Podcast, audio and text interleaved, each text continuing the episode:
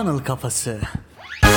Merhabalar, merhabalar, merhabalar. Funnel Kafası podcast serisine hoş geldiniz. Ben Hasan. Ben Emre. Bugün Hasan'ın dönüşüm hikayesine konuk olacağız. Evet Hasan, bize funnel kafasına uzanan süreçte nasıl bir dönüşüm yaşadın? Bunu anlatır mısın?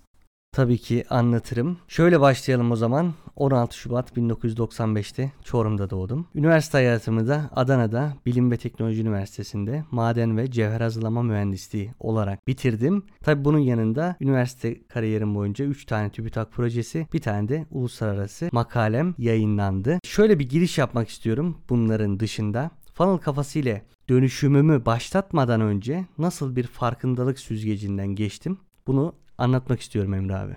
Anlatayım mı? Evet Hasan anlat. Senin hikayeni eminim ki çok beğeneceklerdir. O çocukluğunda yaşadığın güzel hikayeler, bu zamana kadar uzanan süreçte oluşturduğun farkındalıklar. Merakla bekliyoruz. Buyur. Tamam o zaman şöyle başlayalım. Filmi bayağı bir geriye sarmak istiyorum. Çünkü bu noktaya geldiğimde şöyle bir şey aklıma geldi. Dedim ki her insanın hayatı boyunca bir momentumu vardır. Doğduğu andan itibaren başlattığı ve hiçbir şey boşuna değildir. Tüm bu hayatımız boyunca yaşadığımız momentumu kullanabiliriz. Bir etkisini görebiliriz ve herhangi bir tarafından yararlanabiliriz diye düşündüm. Sonra reverse engineering yaparak dedim ki geriye doğru bir gideyim. Ben neler yaşadım hayatımda? Neler çıktı benim karşıma? dedim ve sonra bütün hayat hikayem aslında benim şu anki yaptığım işte çok güzel bir momentum oluşturarak efektif kullandığım bir şey haline geldi. 2002 yılında biliyorsunuz ki Popstar rüzgarı vardı. İşte ben tabi Bayhan hayranıyım. İşte sağda solda öyle deli gibi esme başım dönüyor diye falan geziyorum. Ama aynı zamanda da utangaç bir çocuk çocukluk dönemi yaşıyorum o aralar. Bizim de kafeteryamız vardı. İşte kafeteryada canlı müzik yapılıyordu. Bir gün ben kafeteryada dolaşırken babam beni yanına çağırdı. Dedi ki Hasan dedi şimdi dedi senin bu utangaçlığını kıracağız ve bundan sonraki hayatına daha özgüvenli bir şekilde devam edeceksin. Orada ne demek istediğini tam olarak algılayamadım. Ondan sonra beni kucağına aldı sahneye götürdü. Mikrofonun yanına bıraktı beni. Sonra bir anda Bayhan'ın o işte öyle deli gibi esme başım dönüyor şarkısını orkestra çalmaya başladı. Benden de söylememi istediler. Tabi elim ayağım titriyor heyecanlandım. Gözlerimi kapattım ve şarkıyı söylemeye başladım. Sonra gözlerimi açtığım zaman herkes ayakta alkışlıyordu beni. Tabi hani sesimin çok güzel olduğundan değil o yaşta çıkmışım sahneye işte bir performans sergilemişim. İnsanlar da bunu takdir ediyorlardı. Tabi orada hiçbir şekilde bir tepki vermeden koşarak hemen gittim babama sarıldım. Ama o günden sonra gerçekten her şey değişti. Daha rahat bir şekilde kendimi ifade edebilir bir konuma geldim. Şu an bu konuşmalarımın daha rahat olmasını, daha kendimi özgür bir şekilde ifade edebilmem, daha doğal olmam. Bunların hepsini etkileyen bir momentum başlangıcı olduğunu düşünüyorum ben. İlk olayımız bu yani Emre abi. Bence güzel noktalardan bir tanesi Hasan. Yani yetiştiği çevre itibariyle özgüven problemi yaşaması, kendini bir türlü öne çıkaramaması belki de çocukların yaşadığı problemlerden yani önemli problemlerden bir tanesi. Babanın daha sen küçükken böyle bir şey yapması senin adına gerçekten çok önemli bir artı olmuş bence. Kesinlikle öyle. Tabi ama burada şöyle de düşünmemek lazım işte. Ya sen çocukluğunda tabi baban sana böyle bir özgüven aşılamış. İşte bizde öyle bir şey yok. E bu saatten sonra biz nasıl kendimize özgüven kazandıralım diye de düşünebilir dinleyenlerimiz. Ama şunu söyleyebilirim. Bunun yaşla, zamanla, olgunlukla veya hamlıkla bir alakası yok. Bir şekilde o konfor alanından çıkıp o eylemi gerçekleştirdiğinizde sonrasında her şey değişiyor. Herkesin zaten hikayesi farklıdır yani. Kimisi o şeyi eşiği 5 yaşında 10 yaşında kırar. Kimisi 18-20 yaşında kırar. Kimisi belki 35-40 yaşında kırar yani. Aynen öyle. Şimdi o zaman ikinci farkındalığım ve dönüşümüm şöyle gerçekleşti. Çorum'un sayılı esnaflarından birisiydi babam iflas etmeden önce. Bir gün Annemler pazardan tavuk almışlar. Canlı bir tavuk. O zaman kesecekler. Onu işte akşam yemeğinde yiyeceğiz vesaire. Ben de dedim ki yok ben bu tavuğu kestirmek istemiyorum. Ben bunu dedim besleyeceğim. Neyse tamam dediler. Ben tavuğu beslemeye başladım. Sonra dedim ki bu tek başına burada çok sıkılır. Ben bunun yanına ya bir tane horoz alayım ya da bir tane de tavuk alayım dedim. Bir yandan da hoşuma gidiyor o tavuğu gözlemlemek. Nerede oturuyor, nerede kalkıyor, neler yapıyor. Sonra bizimkilere söyledim. Dedim ki ya işte böyle böyle ben yanına bir tane tavuk ya da horoz almak istiyorum. Annem dedi ki yok olmaz alamazsın. Babam dedi ki yok olmaz alamazsın. E para da yok. Hızlıca bir fikir geldi aklıma. Evde bir tane baskül var. Tartı yani. Onu aldım. Yürüyerek işte Çorum'un işlek bir caddesi, Gazi Caddesi. Oraya gittim. Tartıyı önüme koydum ve dedim ki kilosunu bilene bedava. Sonra insanları tartmaya başladım. 4-5 milyon o zamanın parasıyla bir para kazandım. Sonra pazara gittim. Horoz almaya param yetmedi ve ben de yanına bir tane daha tavuk aldım. Sonra eve geldim. Herkes tabii ki şok içerisinde. Benim düşünmediğim, aklıma gelmeyen bir olguyu düşünüyordu onlar. Çorum'un sayılı zenginlerindensin. Cebinde param var. İnsanların sana bir bakışı var. Ama çocuğun Gazi Caddesi'nde insanları tartıyor. Ben bunu düşünmedim tabi onlar düşündüler sonrasında bu bizim için güzel bir anı olarak kaldı tabii ki işte takdir ettiler hoşlarına gitti bu durum ama Orada hemen bir girdi yapayım sen sonucu söylemeden de. Aslında senin fanınla ilişkin oradan başlamış Hasan. Kilosunu bilene bedava. hemen orada bir değer merdiveni kurmuş.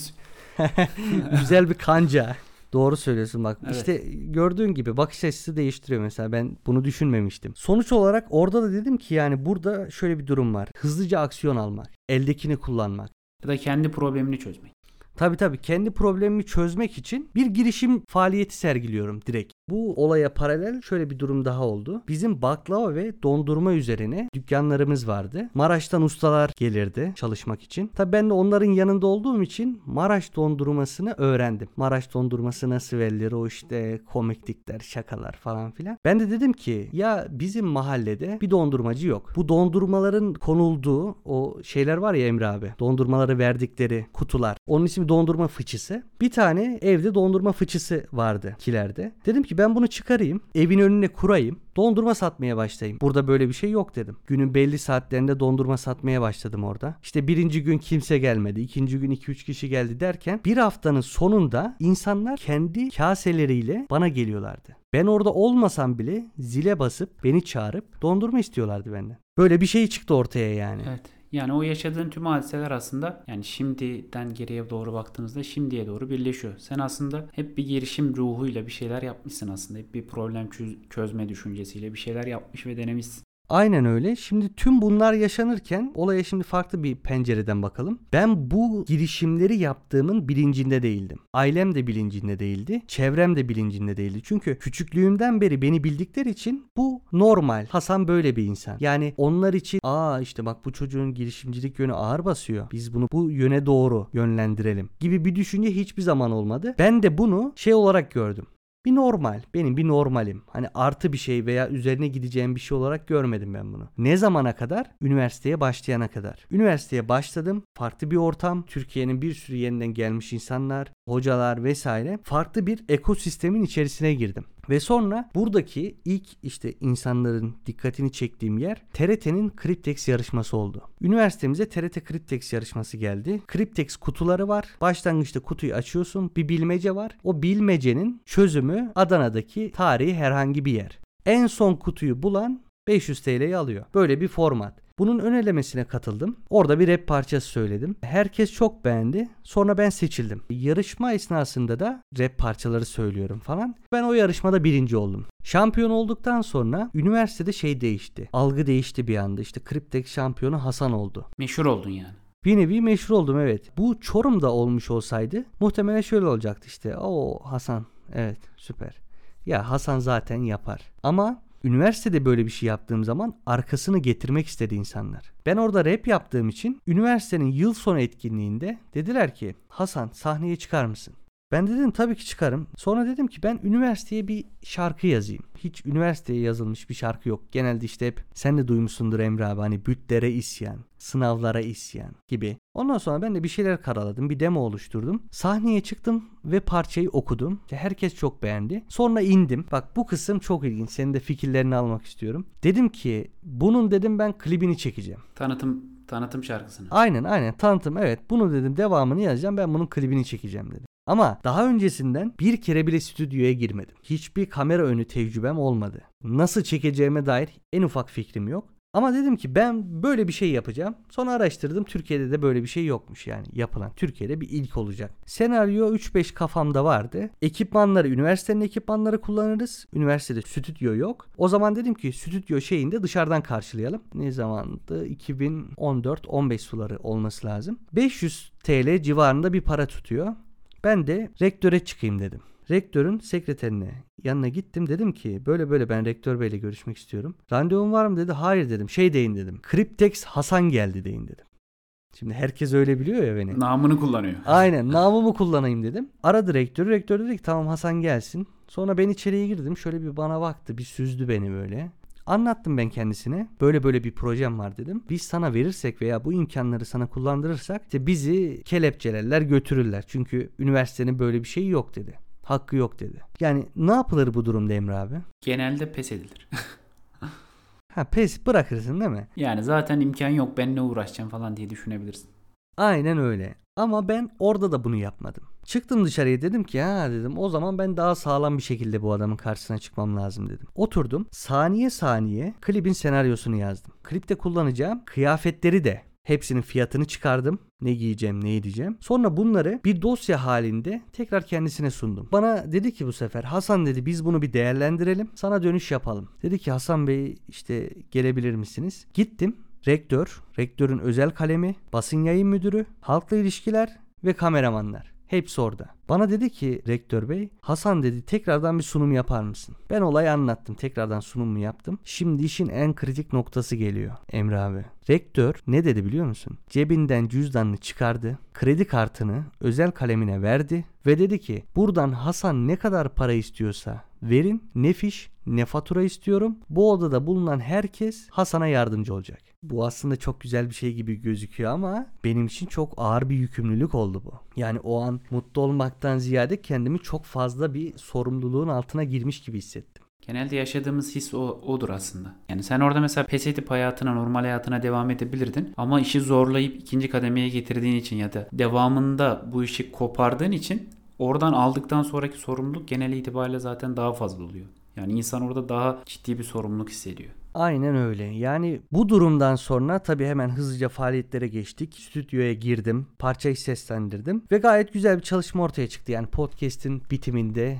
e, Google'a Hasan Bölükbaş Adana bir rap yazarlarsa çıkar. Oradan dinleyebilirler. Ve burada da anladım ki evet ben aynı zamanda pest etmiyormuşum. Bu arada ben bu olaylar yaşanırken bu farkındalığı kazanmıyorum Emre abi. Geriye dönüp benim hayatımdaki dönüm noktaları veya yaşadıklarım ne diye baktığımda daha bu sene bunları kavrayabildim. Ha dedim yani. Ha bak bu o yüzden böyleymiş. Ha ben böyleymişim demek ki. O zaman şöyle yapayım gibi. İnsanın zaten yolculuk esnasında ya da işte ne bileyim küçüklüğünde yaşadığı ya da işte bir sıkıntı ya da bir problem yaşadığında onu nasıl kullanabileceğinin çok farkında olmuyor. Hani senin de benim de okuduğumuz Ryan Holiday'in kitabı var ya Engel Yolun Kendisidir. Orada neyden bahsediyor işte? Yaşadığınız her bir engeli kendiniz için bir fırsat olarak kullanabilirsiniz. Ama insan bu zihin yapısında olmadığı zaman o yaşadığı durum içerisinde engelin ya da o sıkıntının ya da o acının diyelim kendisine bir fırsat olabileceğini düşünemiyor. Yani sen de aynı şekilde o zaman bunları bir fırsat olarak ya da işte ilerleyen dönemde senin hayatını şekillendirecek bir şey olarak görmemen aslında normal o zihin yapısında olmadığın için. Ama sonradan baktığında aslında ne kadar fayda sağladığını ya da ne kadar büyük fırsatlar olduğunu görebiliyorsun.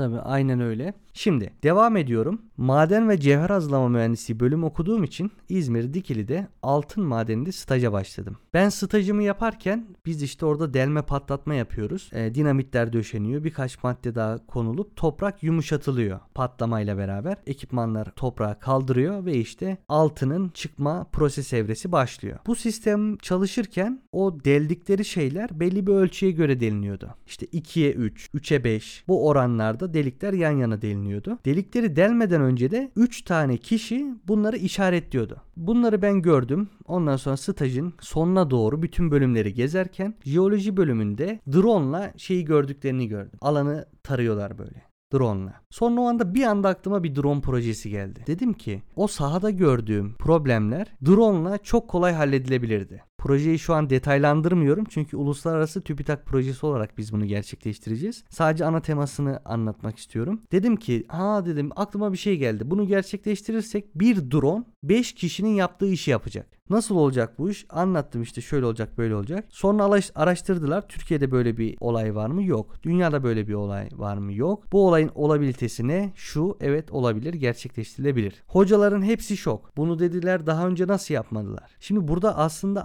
anlatmak istediğim nokta şu. Ben hayatımda daha önce drone kullanmadım. Nasıl çalışır prensiplerini bilmem. Ama drone'un uçtuğunu biliyorum. Uzaktan kumanda edildiğini biliyorum. Daha ağır şeyleri kaldırabilen drone'lar var. Servis drone'ları var. Amazon'un drone'a geçeceği falan söyleniyor ya. Oralardan bir çağrışım yapıldı ve proje oradan çıktı. Bunu detaylandıramıyorum şu an dediğim gibi. Ve burada da şunu anladım. Dedim ki ben bağlam kurabiliyorum. Yani bir şeyi deneyimlemesem bile o şeyle başka bir şey arasında bir bağlam kurup meç edebiliyorum yani. Ve o gün anladım ki o zaman ben ticari hayatımda da bazı şeyleri deneyimlemeden ufak donelerle olaylar arasında bir bağlantı kurup işi ona göre götürebilirim dedim. Bu da böyle ortaya çıktı. O gün mü dedim bunu? Hayır oraya geleceğim. Tüm bu farkındalığımı başlattığım ve geriye gidip neler yapmışım ben ya dediğim gün kafamda toparladım. Bu olaydan sonra işte üniversite 3. sınıf olması lazım. Dedim ki ben bu işi yapmak istemiyorum. Ben madenci olmak istemiyorum. Çünkü hep bir şeyler yapıyorum, didikliyorum. Ne yapmak istiyorum ben dedim. Ya ben kendi işimi kurmak istiyorum. Her zaman yapmak istediğim şey buydu. E bir de kökende de şey var. Ticaret var. Sonra bıraktım. Dedim ki istediğim yerde, istediğim zamanda ve en önemlisi de istediğim kişilerle çalışmak istiyorum. Çünkü bu benim için çok önemliydi. Paradan e, ziyade böyle keyif alacağım işleri yapmak bana her zaman daha cezbedici geliyordu. Çünkü diğer işlerden sıkılıyordum. Hoşuma gitmiyordu. Rahatsız oluyordum yani. Seninle karşılaşmamız da keza şu an birlikte olmamız da aynı şey. Yani biz toplantılarımızda ondan sonra funnel'ları kurarken çalıştığımızda hep eğleniriz yani. Değil mi? Evet keyif alarak iş yapmak. Ya zaten aslında bu herkes için farklı şekillerde olabilir ya da ne bileyim keyif almak hani birazcık görece bir kavram da. Mesela sen keyif aldığın işle vakit geçirmenin daha iyi olduğunu düşünüyorsun. Ama belki kimi insan da önce o işle vakit geçirdikten sonra aslında keyif aldığı işin o olduğunu fark edebilir. Yani bu biraz aslında farkındalık. Sadece insanın kendini tanıması. Bence senin hayatındaki hani bunu bu çıkarımı belki kendin, kendin de yapmışsındır. Senin hayatındaki en büyük donelerden bir tanesi böyle farklı şeyleri deneyimlemen. Farklı farklı şeyleri keşfetmen. Ne bileyim işte gidip belki işte tartıyla sokakta işte caddede birilerini tartman. Ne bileyim dondurma satman vesaire. Bu tarz şeyleri deneyimlemen aslında sana seni kendini tanıma fırsatı vermiş. Çoğu insan için bu böyle olmayabilir. Neden? Çünkü deneyimleme konusunda eksiz ya da işte bir şeyleri deneme konusunda çekingeniz. Bir şeyleri deneyimlemiyoruz. Sonra bizim asıl şeyimizin ne işte tutkulu olduğumuz şeyi ne olduğunu bulamadığımızdan ya da keşfedemediğimizden dert yanıyoruz. Aslında sürekli denesek ya da farklı farklı şeyleri deneyimlesek ne olduğunu keşfedeceğiz. Senin yaptığın da bence en güzel şeylerden bir tanesi bu farklı farklı alanları deneyimlemek, keşfetmek ve bu anlamda girişken olmak. Evet çok doğru bir noktaya değindin Emre abi gerçekten böyle nokta atış oldu bu. Bu zamana kadarki anlattıklarımı toparlayan bence çok güzel bir cümleydi. Aynen öyle. Ben deneyimliyorum sürekli. Birbirinden farklı şeyler ama totalde yine birbirine bağlı şeyler. Aslında işte bir dondurma satmakla drone projesi ayrı dünyalar gibi gözükse de özünde yatan şey aynı. Bir girişim, bir problem çözmek. Noktalar bu şekilde birbiriyle bağlanıyor. Bunlardan sonra artık bu işi yapmadığıma karar verdiğime göre neler yapabilirim diye bakarken Bitcoin ile karşılaştım. Bitcoin'in o hızlı yükselişleri, düşüşleri, işte o blockchain teknolojisi beni böyle resmen cezbetti yani. Dedim ki evet gelecekte bu olacak. Sistemler buna dönecek. Daha çok Bitcoin alıp satmaktan ziyade blockchain'in birbirine bağladığı ağlardaki transferleri gerçekleştiren sistemleri oluşturmak. Bunlar beni çok daha fazla cezbetmeye başladı Emre abi. Sonra dedim ben Bitcoin üretmeye başlayacağım. Bitcoin cihazları aldım. O zamanlar tabii sıkıntı böyle gümrükten mallar geliyor Bitcoin üretim cihazları ama gümrük memurları açıyorlar ne olduğunu bilmedikleri için çoğunlukla geri gönderiyorlar. Öyle bir dönem yani. O kadar yabancılar. Biz öyle veya böyle Bitcoin cihazlarını getirdik. Evde üretimine başladık. Sonra ilk ay yanlış hatırlamıyorsam 5-6 bin TL para kazandım. Diyorum ki o diyorum ya tamam süper bu iş bitti bu kadar. Benim hiçbir şekilde işte bir yerde çalışmaya veya üniversiteye gidip gelmeye ihtiyacım yok. Çünkü fişe takıyorum prosedürü de bildiğim için havuzla bağlantıyı kuruyorum ve bitcoin üretiyorum. Üretiyorum derken bir gün tabii ki ikinci ayda biraz kazandık. Üçüncü ay pat bitcoin çakıldı. E zaten elektrik faturası ödüyorum ben her ay 2000 lira 2500 lira. Tabi orada büyük bir e, batış gerçekleşti. Batışı da şöyle perçinledim bir de üstüne. Batık maliyet diye bir şey var ya Emre abi. Çıkamıyorum da işin içinden. Dedim ki o zaman ne yapayım? Ben işte coinlere yatırım yapayım. Yılın sonunda onları satarım. Oradan yüksek karlılıklar elde edebilirim. Yıl içindeki dalgalanmalar da beni etkilemez. Zaten uzun vadeli bir yatırım yaptığım için bir sene iki sene diye düşündüm ama para var mı? Para yok. Sonra babamı aradım. Dedim ki baba böyle böyle. Ee, tabii babamda da para yok. Dedim ki baba o zaman sana bir kredi çekelim. Yani kafaya koydum ya o yatırımı yapacağım. Kredi çekip bitcoin üreteceksin. Hayır bitcoin üretmeyeceğim. Bitcoin ve altcoin'lere yatırım yapacağım. Yatırım yapacaksın. Kredi çek. Aynen yatır kredi çekip aynen. Bak Batmışsın görüyorsun değil mi? Bak, ama- Yani batmışım ama üstüne üstüne gidiyorum. Hala üstüne üstüne üstüne gidiyorum. Sonra babam orada yine tabii benim hayatıma dokunacak çok önemli bir söz söyledi. Ben o krediyi çekerim dedi. Ama dedi sen dedi yine batacaksın dedi. Çünkü dedi daha yaşın dedi 21-22. Sen dedi bu yaşlarında batmayacaksın da dedi. Ne zaman batacaksın ki? İlerleyen hayatında sana bunlar tecrübe olsun ve çok daha hızlı bir şekilde, çok daha verimli bir şekilde hayatına devam et dedi. Ve en önemli şey de şuydu. Babam 40 yaşından sonra iflas etti. Orada da bunu belirtti. Dedi ki şimdi batman 40 yaşından sonra batmandan iyidir. Şimdi batarsan her şeyi yeniden kurabilirsin. Ama ben 40'tan sonra battım. Çok zorlandım be oğlum dedi. Ona rağmen krediyi çektik ve yine de battık yani. Babamın dediği çıktı.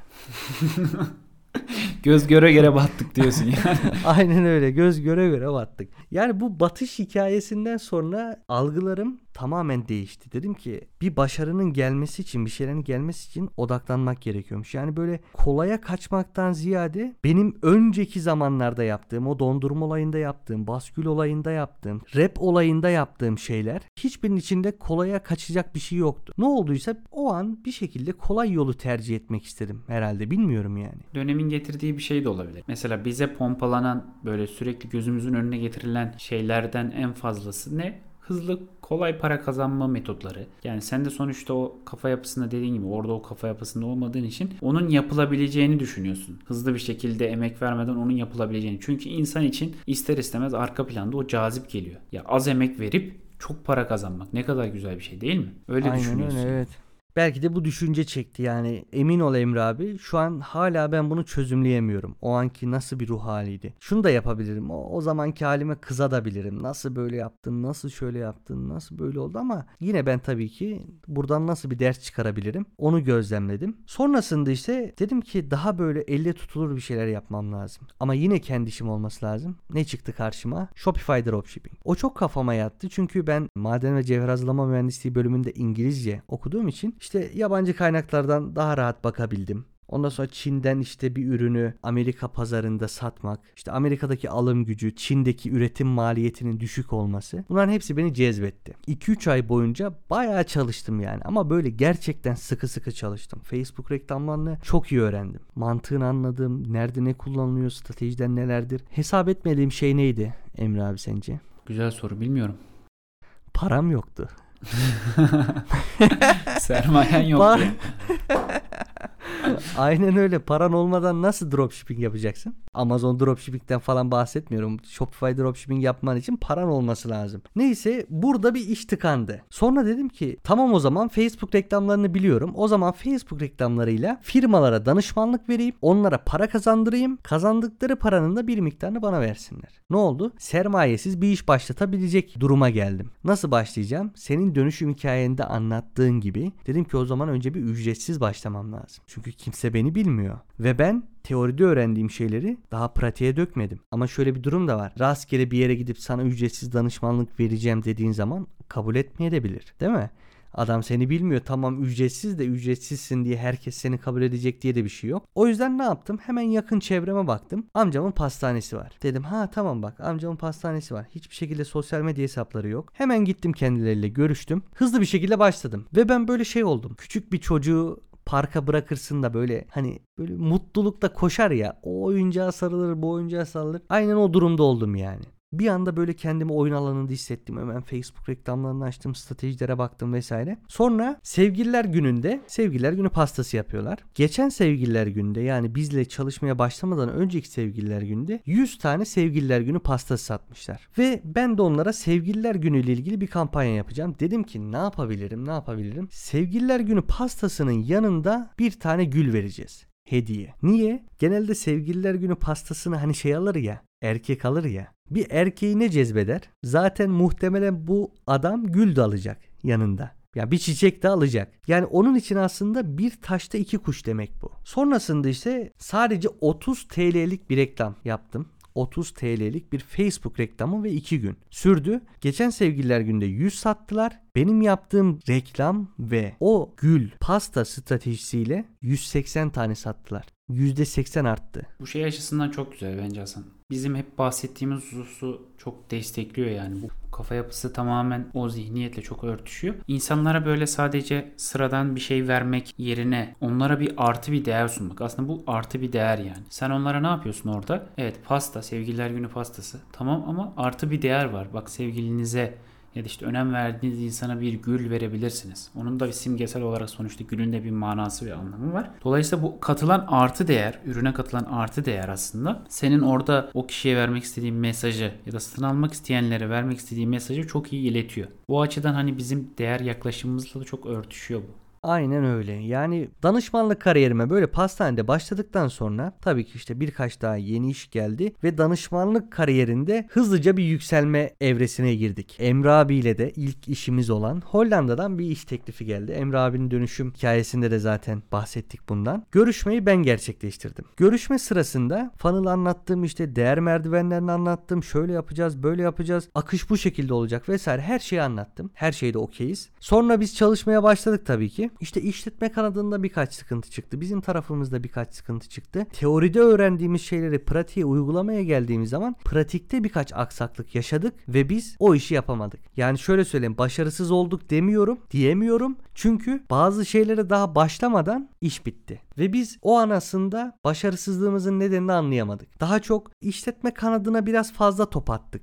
Ondan dolayı olmadı. O şunu yaptı olmadı. O bunu yaptı olmadı. Çok söyledik bunları. Tam olarak aslında orada neden işi tam olarak yerine getiremedik ya da problem neydi işte ne bileyim iletişim miydi başka bir şey miydi onun teşhisini tam olarak yapamadık ve dediğin gibi orada aslında hatalı belki de hatalı denebilecek bir tutum takınarak işletme kanadını daha çok sorumlu tutmaya çalıştık. Aynen öyle. Şimdi tüm bunlar yaşanırken pandemi araya girdi. Ve ben Düşün ve Zengin Ol kitabını okuyordum pandeminin ilk günlerinde. Orada okuduğum şeyler beni o kadar çok etkiledi ki bir farkındalık sağladı bana. Hemen böyle geriye doğru gittim. Biz neler yapıyoruz, ne yapıyoruz? Sonra he, aklıma şu geldi. Dedim ki mevcut potansiyelimizi bir gram dahi arttırmadan bu potansiyeli kaldıraç etkisini kullanarak nasıl daha fazla verimli hale getirebiliriz? Bir anda bu geldi aklıma. Ve dedim ki bunun yolu funnel'dan geçiyor. Sonra hemen Emre abi aradım. Emre abi dedim bak sen ayrı tabii işlerini yapıyorsun. Ben ayrı işlerimi yapıyorum. İkimizin birleştiği yer ne? Funnel. İkimiz de aynı vizyon doğrultusunda ilerliyoruz. Gel burada biz birleşelim. Funnel'la mevcut potansiyelimizi aynı yaptığımız işlerde hiçbir şey değiştirmeden bile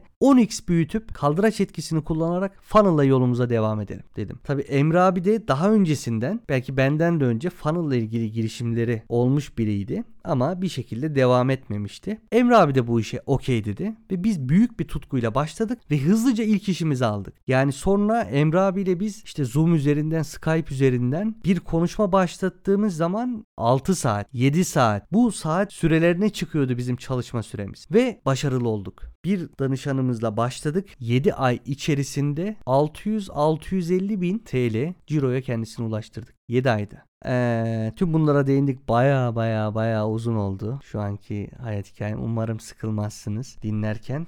Hasan sen kaç yaşındasın? Bir de onu da söyler misin? Ha bu arada ben 25 yaşındayım. 25 yaşında 25 yaşında araba. 25 yaşına kadar ne hikayeler ne hikayeler. Evet 25 yaşıma kadar böyle geldi. Şöyle toparlayalım o zaman Emre abi. Tüm bu hayat hikayemi yaşadıklarımı siz gördünüz. Emre abinin hayat hikayesini de dinlediniz. Aslında hepimizin yapmak istediği şey şu özünde. Kendi dönüşümümüzü başlatıp kazanabileceğimiz en çok parayı kazanıp yaşayabileceğimiz en iyi hayatı yaşamak. Eğer yeterince paran varsa zamanı satın alırsın ve o satın aldığın zamanla yapmak istediğin şeyi yaparsın. Ve para en nihayetinde senin için en iyi hayatı sağlar. Ve biz de şu an o dönüşümün içerisinde ilerlemeye devam ediyoruz. O vizyondayız. Benim hikayelerim işte ilk podcast'te Emre abinin hikayeleri hepsi birbiriyle böyle aşırı derecede bağlantılı ve bir domino etkisi var. Nereye götürüyor biliyor musunuz? İşte funnel yaptık tutmadı. Niye? Olay sadece funnel değil. Sadece satış bilmek değil. Olay sadece iş kurmak değil. Bizim şöyle bir farkındalığımız oluştu. Eğer bir şeyleri uzun soluklu olmasını istiyorsak, böyle trendlerden etkilenmeyip kalıcı bir düzen kurmak istiyorsak, nasıl söyleyelim Emre abi? Yani bir şeyleri değişmeyen ilke ve prensiplere oturmak istiyorsan bunların belli başlı işte saç ayakları olması lazım. Biz bu 6 saç ayağını belirledik ve bundan sonraki bölümlerde artık hikayelerimizden bahsettik bizi tanıdınız. Bundan sonraki bölümlerde de bu 6 saç ayağını sırasıyla anlatacağız. Bunlar neydi Hasan? Şimdi bu altı saç ayağımız birincisi mentalite, ikincisi iş kurmanın temelleri, üçüncüsü ustalaşmak, dördüncüsü teklif hazırlamak, beşincisi funnel kurmak ve altıncısı da satış yapmak. Tüm bu altı saç ayağı bizim hiçbir trendten veya işte krizden etkilenmeyip düştüğümüz zaman tekrardan ayağa kalkmamızı sağlayacak bir felsefedir funnel kafası. İlerleyen bölümlerde bu felsefenin detaylarından bahsedeceğiz ve böylece bu bölümü de burada sonlandıralım. Ne diyoruz o zaman Emre abi bitiriş olarak? Funnel kafasından uzak kalmayın. Ve unutmayın bu hayatta hepimiz birer satıcıyız. Kendinize iyi bakın.